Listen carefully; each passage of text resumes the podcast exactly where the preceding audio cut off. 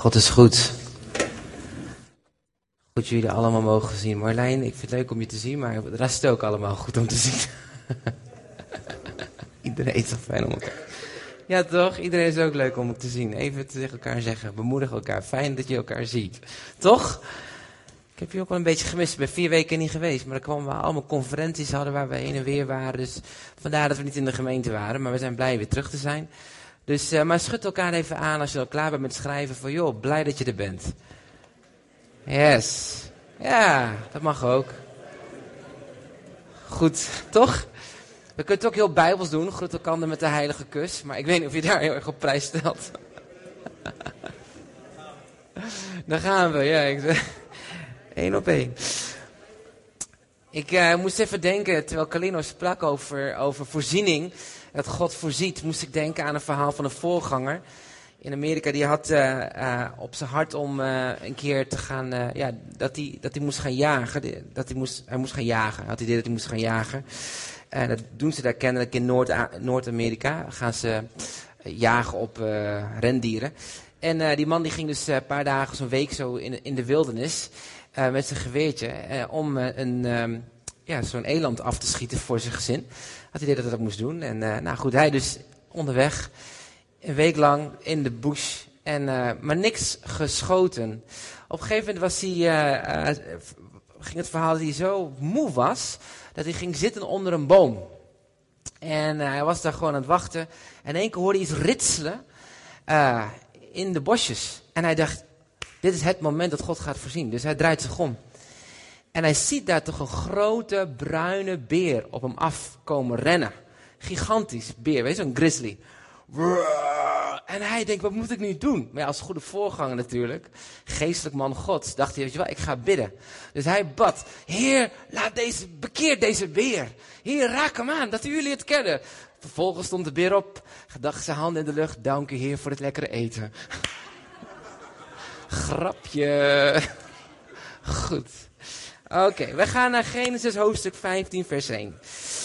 We gaan het hebben over. Kijk omhoog. Genesis 15, vers 1. Ik vond het wel heel mooi dat dit eigenlijk een beetje de rode lijn was in de hele dienst. We kijken naar God, naar wie Hij is. En we gaan lezen in hoofdstuk 15, vers 1. Ik lees hem even in de basisbijbel. Vind ik wel een hele leuke vertaling. Hierna zei de Heer tegen Abraham: Wees niet bang, Abraham. Ik ben jouw schild dat jou beschermt. Ik ben zelf jouw grote beloning. En Abraham zei: Heer, God, wat wilt u mij dan geven? Want ik zal sterven zonder kinderen gekregen te hebben. Mijn knecht Eliezer uit Damascus beheert mijn huis. Hij zal alles van mij erven, omdat u mij geen kinderen heeft gegeven. Maar de Heer zei tegen hem, niet hij zal alles erven, maar jouw eigen zoon zal erven. Toen bracht de Heer hem naar buiten en zei, kijk eens omhoog naar de hemel. Tel de sterren als je kan. En hij zei tegen hem, kijk, zo ontelbaar groot zal jouw familie worden. En Abraham geloofde de Heer, dat, wat de Heer wil, dat is wat de Heer wil. En daarom was de Heer blij met Abraham. Weet je, van tijd tot tijd maken we allemaal moeilijke dingen mee in ons leven. En soms lijkt het alsof je beloftes die je ontvangt van God niet altijd even stroken met de realiteit van de situatie waarin je zit. En hè, we hoeven niet heel ver om ons heen te kijken, maar we weten gewoon van een aantal mensen die door ontzettende ja, moeilijke uh, situaties gaan. Als het gaat uh, in hun lichaam, medisch, ziektes. Sommigen hebben financiële tegenslag. Um, soms um, dacht je dat je hele goede vrienden met iemand bent en gebeuren er dingen dat je denkt, huh? En uh, ja, verbreken die vriendschappen. Uh, je kan ook zo zijn dat je gewoon druk hebt, gewoon in je werk. Dat je gewoon moe bent. Weet je, dat je uh, zo je leven volgepland hebt. Ik had op een gegeven moment een beetje zo voor maart, echt zo'n down-periode, dat ik echt heel erg moe was. En dan ben je grieperig, je hebt weinig reserves in je. Um, en dan kan het wel af en toe wel eens op je afkomen en dan vraag je wel eens af van, Heer, u hebt toch beloofd dat ik een hoopvolle toekomst zou krijgen, maar ik zie er zo weinig van. En ik geloof dat net als Abraham, dat God ons allemaal een hoopvolle toekomst heeft gegeven. Amen? Amen? Dit is iets wat je zou moeten zeggen, yes, die pakken we. Um, En God weet dat. God weet dat um, um, we moeilijke dingen meemaken. God weet dat wanneer we ons vasthouden aan zijn beloftes, dat er ook tegenslagen op ons weg zouden komen. En hij weet ook dat je af en toe het gevoel hebt om gewoon die handdoek in de ring te gooien. Heb je het ook wel eens het gevoel gehad handdoek in de ring te gooien? Meerdere malen. Ik uh, zit nu op sporten en ik mag nog uh, kick of uh, boksen.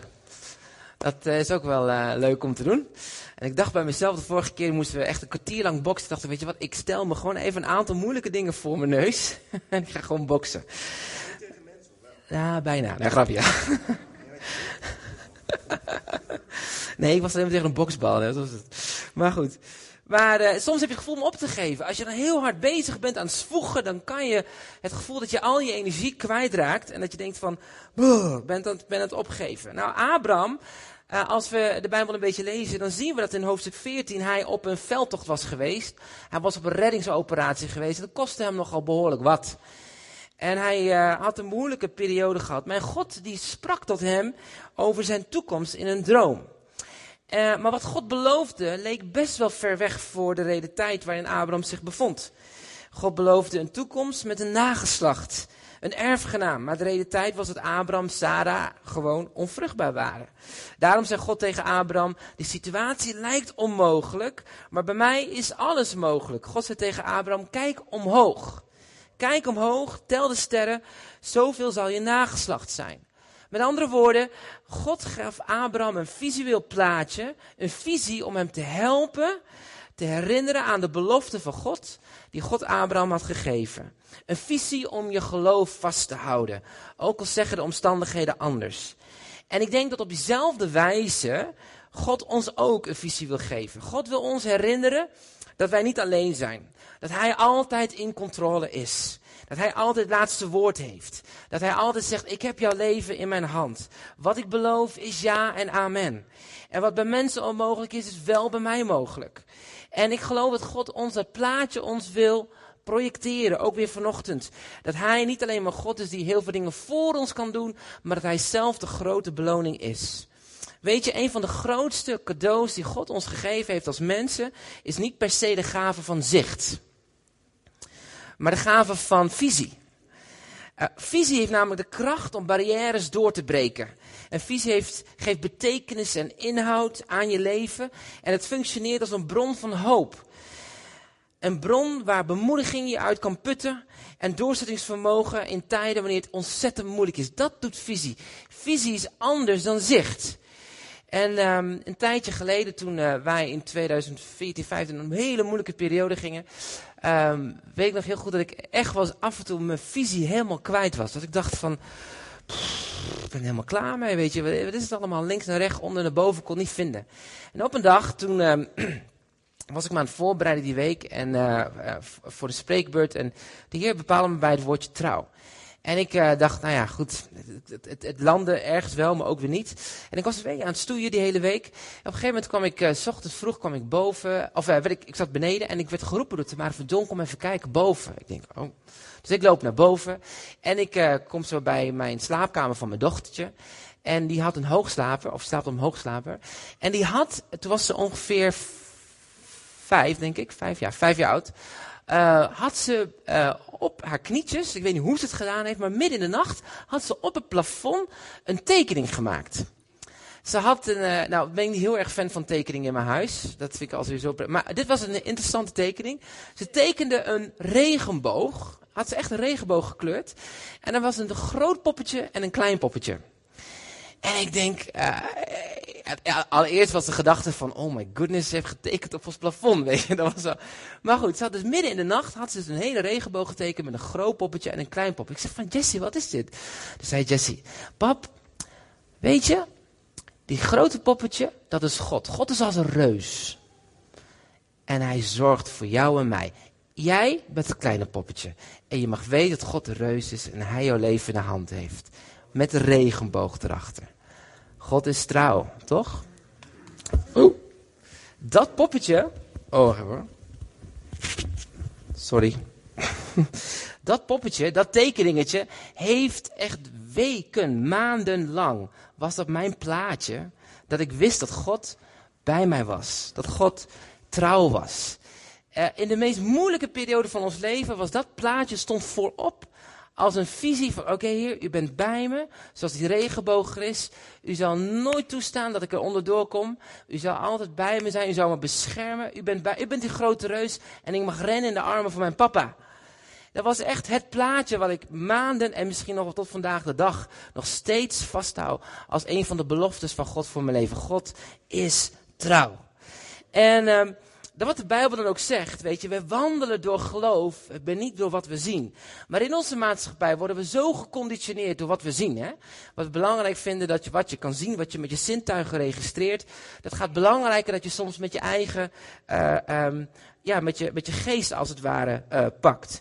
Het grote verschil tussen visie en tussen zien is dat zien een, gewoon een functie is van je ogen. Maar visie is het functioneren van een gelovig en vertrouwend hart.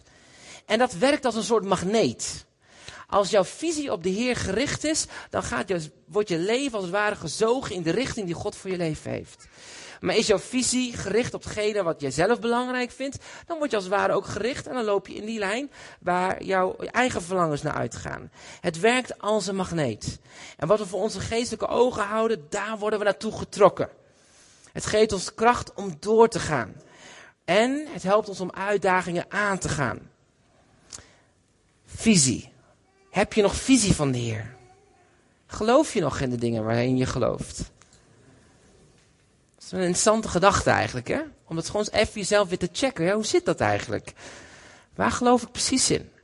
Ik kwam me vaak achter als ik moe raakte, of als ik bijvoorbeeld wat gestrest was, dat ik eigenlijk ontdekte dat die visie van mij vaak wegepte. En dan was er niet eens zozeer visie uh, voor een plan of een idee of een gedachte, maar mijn geestelijke ogen die waren afgedwaald van hetgene wat hoop en leven en doorzettingsvermogen geeft. En misschien vraag je wel eens af, John, waar zou ik naartoe moeten kijken? Ik heb niet echt visie. Het boek Hebreeën is ook een heel mooi boek. En in hoofdstuk 2 schrijft de schrijver een hele bijzondere tekst over de situatie waar de gelovigen in waren. Het boek Hebreeën waarschuwt eigenlijk de christenen, vooral de eerste christenen, um, in het, die daar uh, leefden, um, die die werden onderdrukt door, door wat er allemaal gebeurde in hun geloof, de moeilijkheden. En veel van die christenen verlieten hun geloof in Jezus los, of lieten het geloof in Jezus los, en keerden terug naar een oud-testamentische manier van leven. En in hoofdstuk 2 komt de schrijver en die begint op een gegeven moment daar met een paar zinnen. En hij raakt dan aan in vers 9, zegt hij van joh, het is heel belangrijk dat je dit beseft. Nu zien we echter nog niet dat alle dingen onderworpen zijn aan hem. Maar, zegt hij, wij zien Jezus met heerlijkheid en eer gekroond, die voor korte tijd minder dan de engelen was geworden, vanwege het lijden van de dood, opdat hij door de genade van God voor alle de dood zou proeven. Hij zei, wij zien op Jezus, wij zien Jezus. Ik vond het heel mooi dat we net zongen. Heer, toon mij uw glorie. Toon mij wie u bent. Ik wil u kennen, Heer. Ik wil u zien. En ik denk dat het een, een ongoing prayer mag zijn voor ons. Heer, wij zien op u. Met andere woorden, de schrijver van het boek Hebreeën zegt, niet alles is zoals het lijkt. Niet alles is zoals het lijkt. Zie op Jezus. Vergeet niet welke rijkdom je hebt. Verlies je hoop niet. Verlies niet het geloof. Maar kijk op Jezus. Ook al word je onderdrukt. Ook al is je lichaam onder, uh, aangevallen. Ook al heb je geen geld, ook al heb je strijd, ook is je huwelijk niet 100%, ook al voelt je zaken niet 100% in orde en je zou je business meer geld willen verdienen. Maar God zegt, zie op Jezus. Zie op Hem. Kijk naar Hem. Kijk naar mij.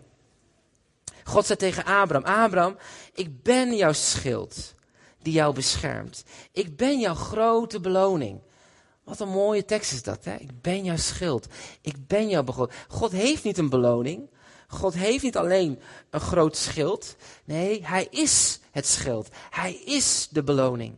En ik geloof ook dat wanneer we naar hem gaan kijken en na gaan denken over wie hij is in plaats van wat hij voor ons kan doen, dan verandert onze realiteit op het leven. En ook hoe we met omstandigheden omgaan. Laten we kijken op Jezus. En dan krijg je die Bijbelteksten. Laat de zwakken zeggen, ik ben. En de armen zeggen, ik ben rijk. En dan maakt het perfect sense, toch? dan klopt het. Maar als je dit zo uit het, uit het hineins gaat zeggen, ja, ik ben sterk, terwijl je eigenlijk je realiteit dat je bankrekening gewoon nul is, dan ben je dus niet rijk. Toch? Met je aardse ogen. Maar met je geestelijke ogen mag je beleiden en ook zeggen vanuit je hart, yes, ik ben rijk. Ook al ben ik zwak, ik ben sterk. Maar ik hoor sommigen al zeggen, we leven toch in een soort fantasiewereld of zo. Zo'n Efteling fantasiewereld. Nee, dat klopt.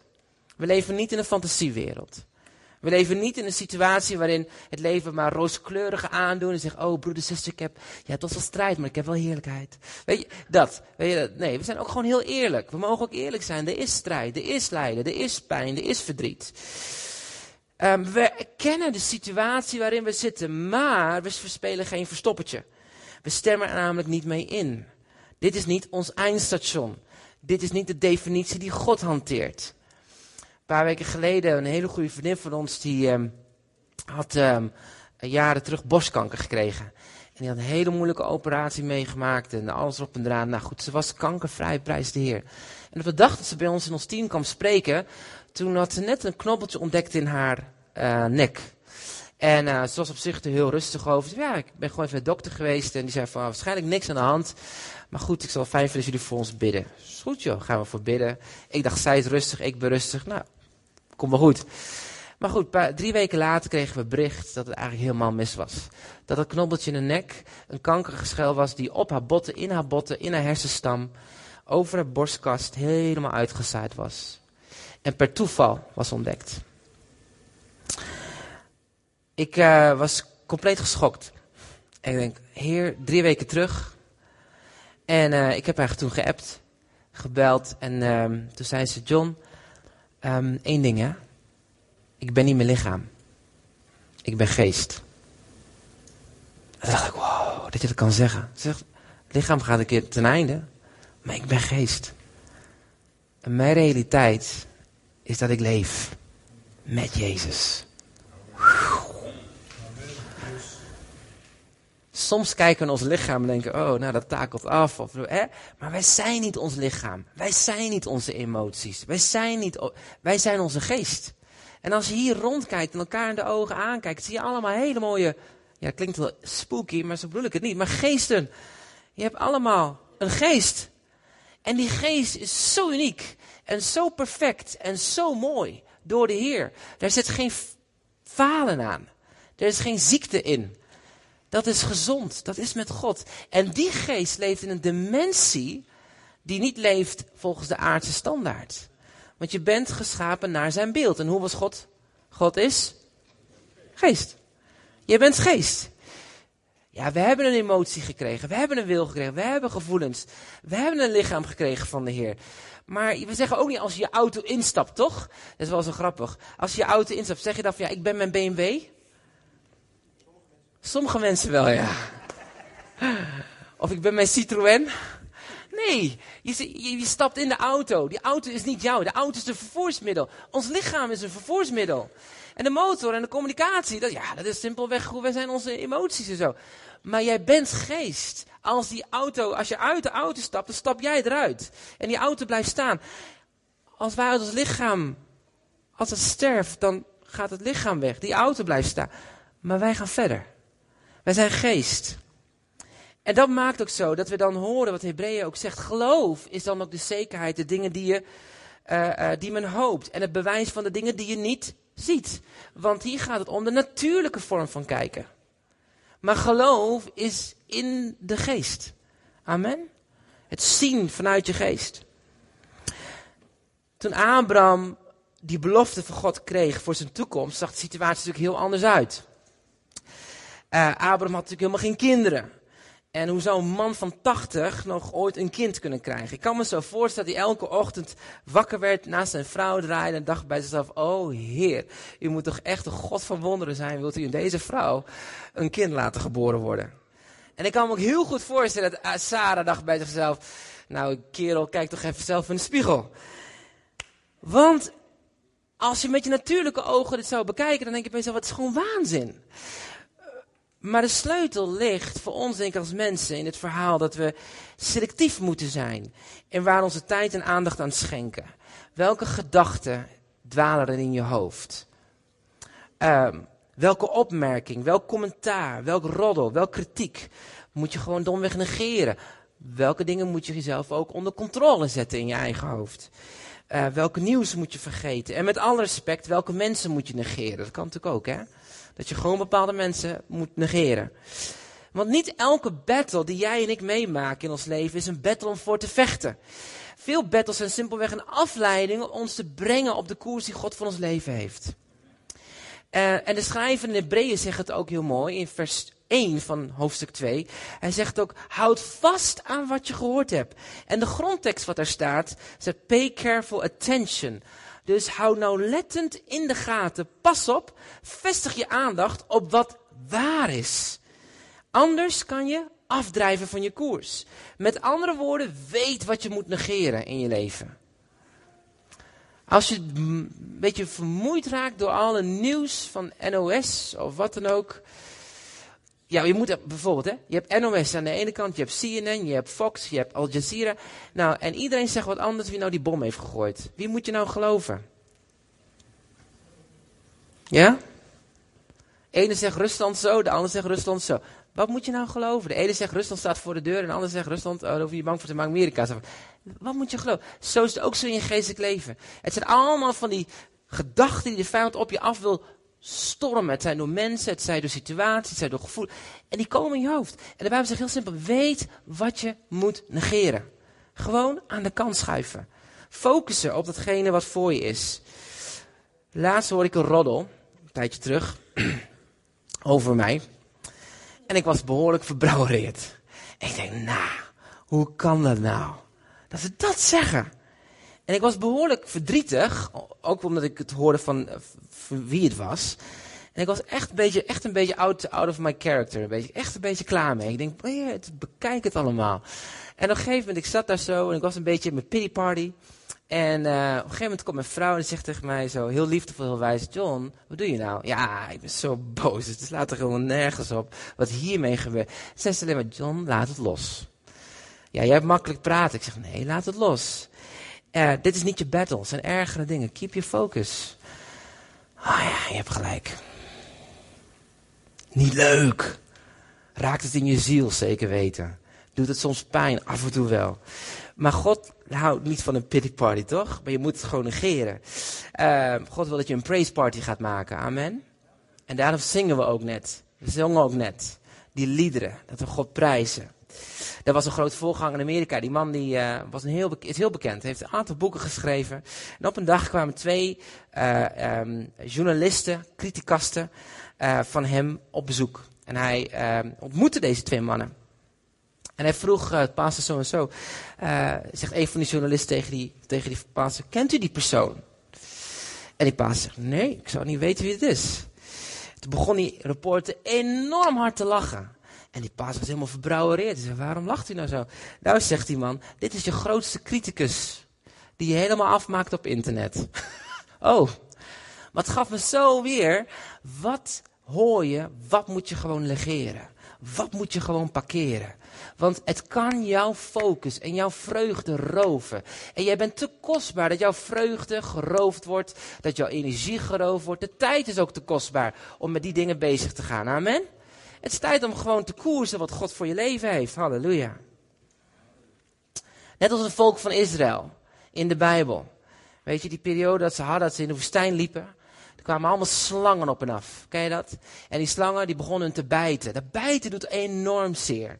En wat zei God? Kijk naar die slangen op de stok omhoog en kijk daarna. En dan word je genezen. Ik denk dat het voor ons ook is. Vaak hoor je te veel dingen om je heen die je bijten, die je zeer doen.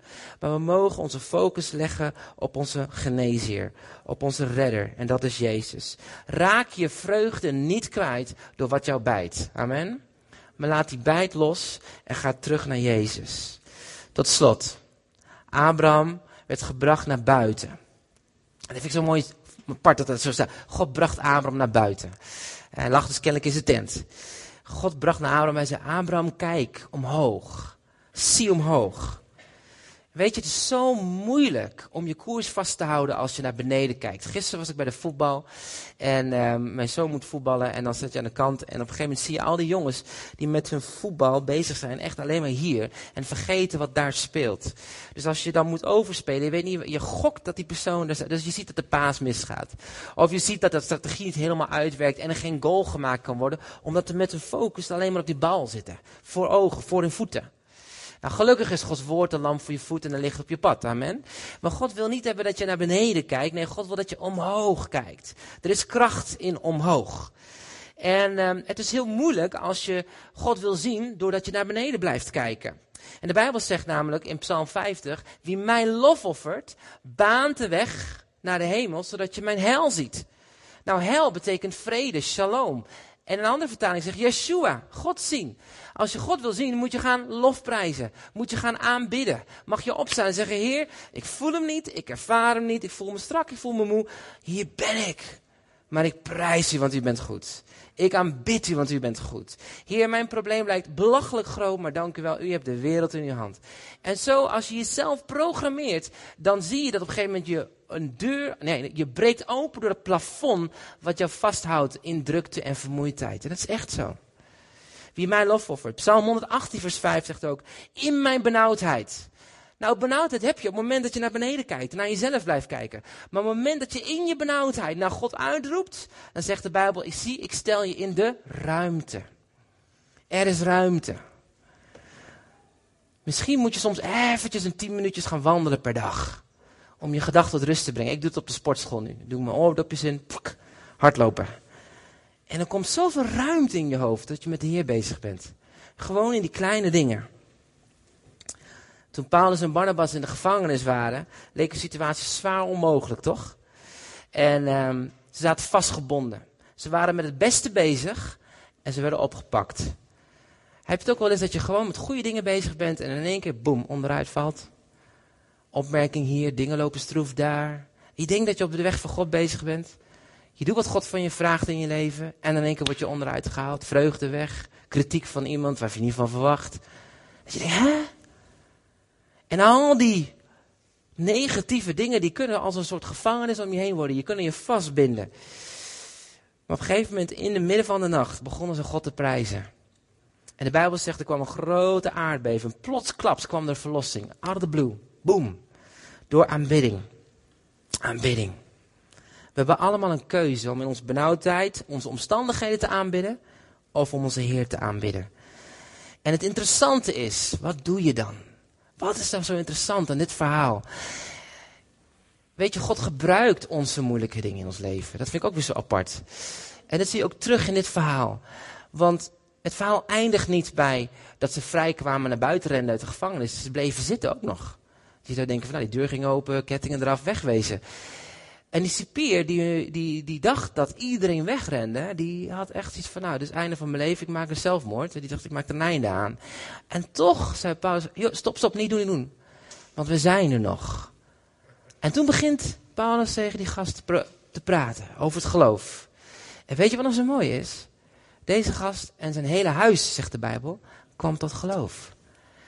Ons benauwdheid, onze momenten waarin we vastzitten, kan God gebruiken voor zijn glorie om weer iets anders te redden. Ik heb ontdekt dat mijn leven is maar slechts een klein plaatje. Een onderdeel van het groter geheel. Maar als ik alleen maar naar mijn plaatje blijf kijken, ja, dan denk ik dat mijn plaatje de wereld is. Mijn jongste zoon loopt zo in de stad rond. Iedereen, hij is de wereld. Maar, maar dat kleine plaatje, God heeft een bigger picture.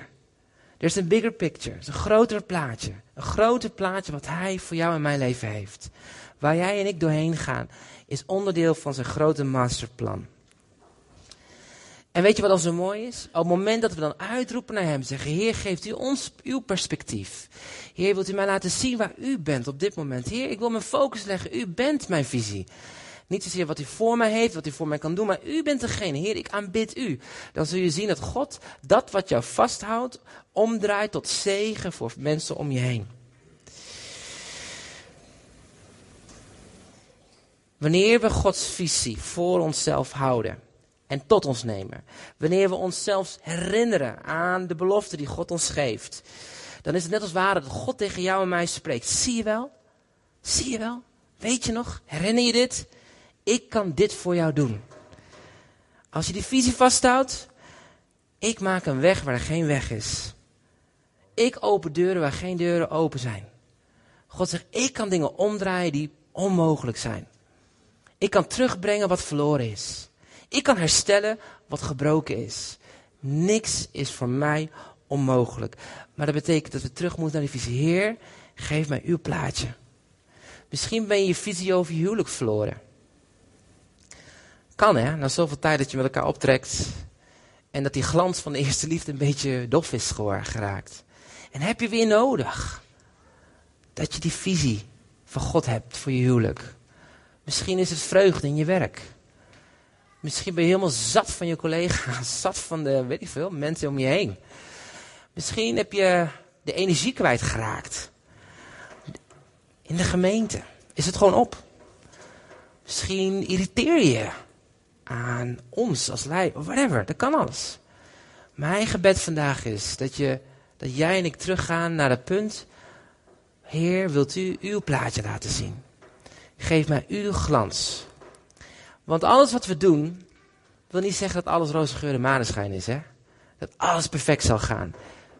Maar alles wat er gebeurt in ons leven, hebben we soms strijd, hebben we soms moeite, zijn we ook vermoeid, raken we geïrriteerd, worden we teleurgesteld. It's part of life. Niemand is perfect. Als kerk alleen maar perfecte mensen zou zijn, zou heel mooi zijn. Maar kerk is gewoon een groep mensen, allemaal met een gebroken achtergrond. Klinkt dan heel negatief, maar zo bedoel ik dat niet. We hebben allemaal een verhaal. En God brengt die verhalen bij elkaar. Waarom? Omdat Hij zijn verhaal door ons heen wil laten zien. Een verhaal van hoop en redding en leven. En dan mogen we onze ogen richten op de voleinde van ons geloof. Jezus. Abraham had geen nageslacht. En als je geen nageslacht had, dan had je ook geen toekomst voor het leven. Want het nageslacht was gewoon je oude dagsvoorziening. Dat was het gewoon in die tijd. Als jij een kind had, dan wist je zeker dat je nog voor je, hè, dan kon je kind voor jou zorgen als je oud was. Maar als je geen kinderen had, dan was je ook niet echt een man van aanzien ook. En weet je wat zo mooi is? Dat wat God, wat lijkt alsof onmogelijk is voor, voor, voor, voor mensen, wat de vijand weggeroofd is uit je leven, God draait het om tot zegen voor de generaties. En daar geloof ik ook in in deze gemeente.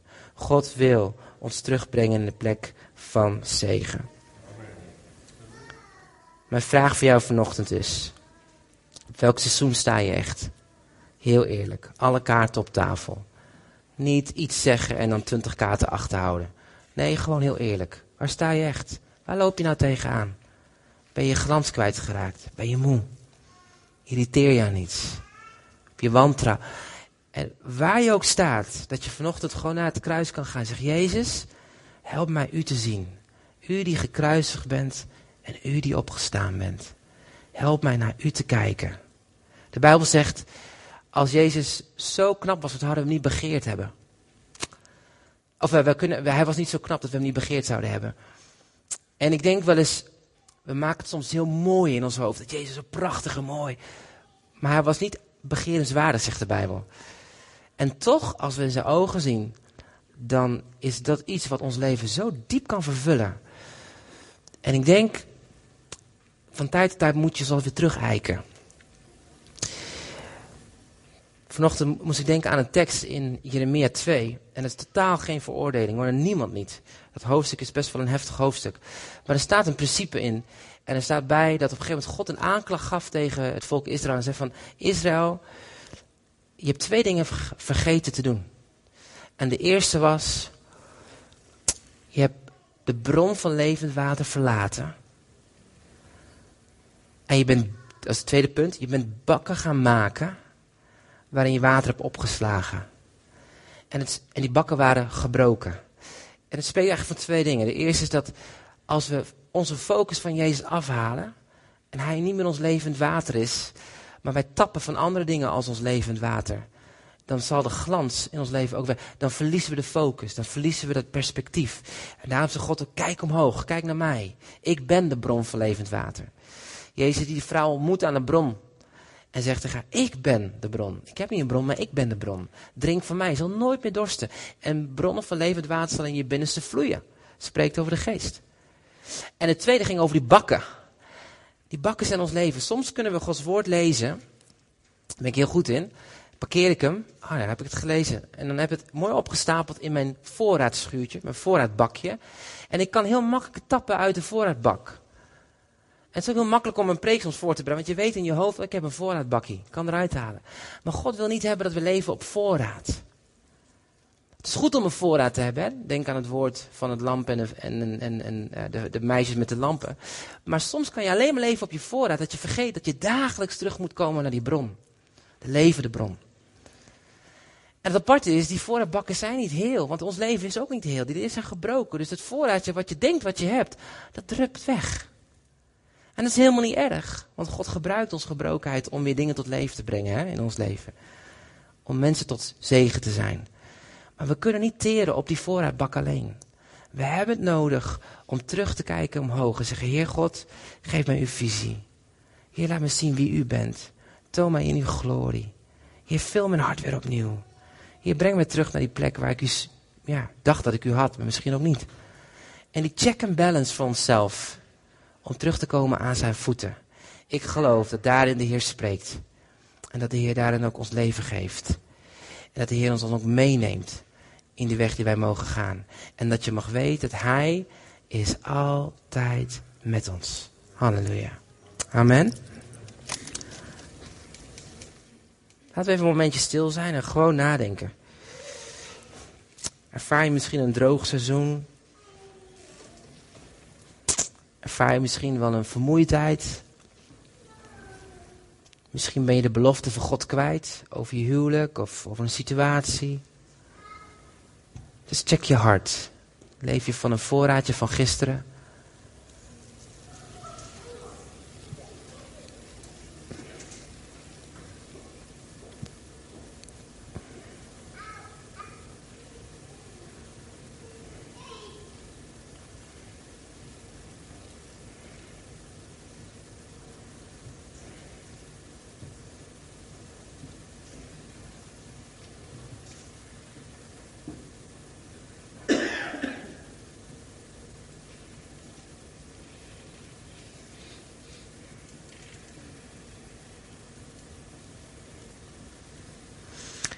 Heer, dank u wel dat u zegt tegen ons, kijk omhoog. En Heer, we willen onze hoofd als het ware omhoog heffen en naar u kijken vanochtend.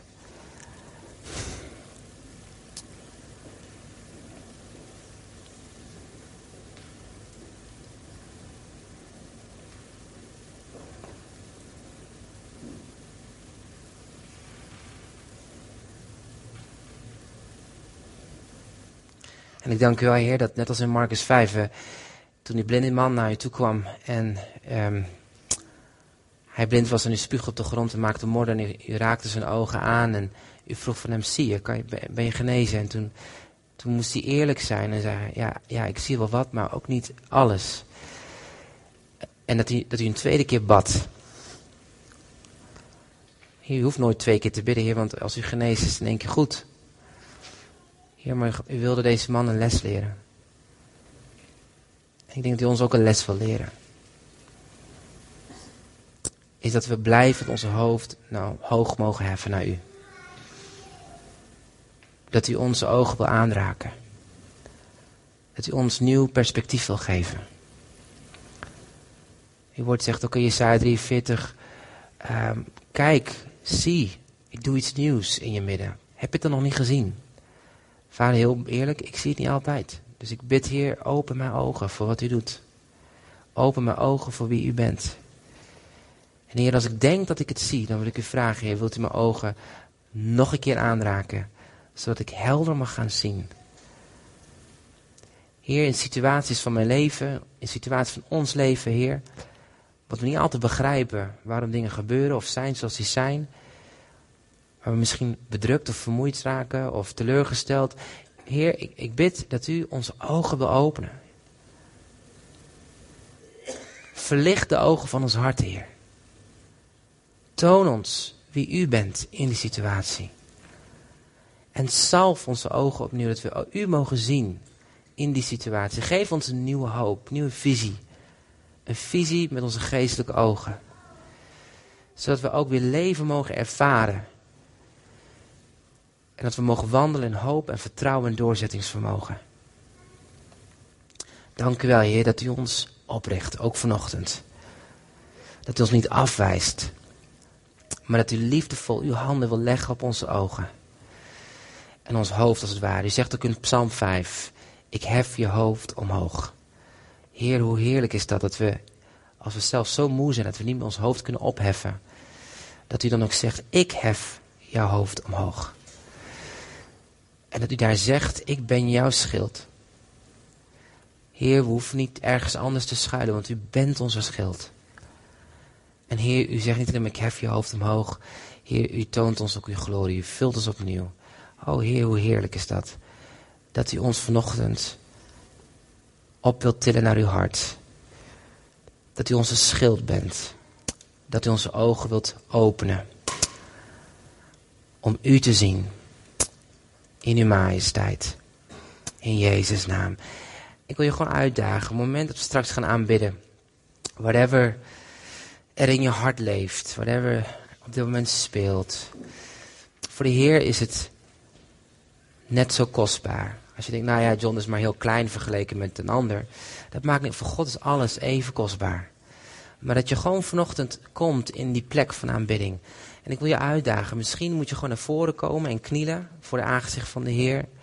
En gewoon tijd nemen om Hem te aanbidden. En als je zegt, ja, ik heb die visie verloren, dat je gewoon echt ook wacht in je aanbidding op God. Dat Hij je, je hoofd gaat. Ik geloof dat de Heer je nieuwe visie wil geven, amen. Ik geloof dat Hij ons hart wil verfrissen vanochtend. En laat die kans niet voorbij gaan. En denk oh, ren naar de koffie. Maar zorg eerst dat je eigen vat weer gevuld wordt, zodat je weer kan gaan. Yes, dat we gewoon die tijd nemen. En, en ehm, ja, tuurlijk mag je met elkaar bidden, dat vind ik helemaal niet erg. Maar soms is het heel goed om gewoon echt alleen met de Heer te doen. Gewoon alleen met de Heer. En in zijn aanwezigheid komen. En je laten vullen met zijn glorie. Amen. Kunnen we dat doen? Yes?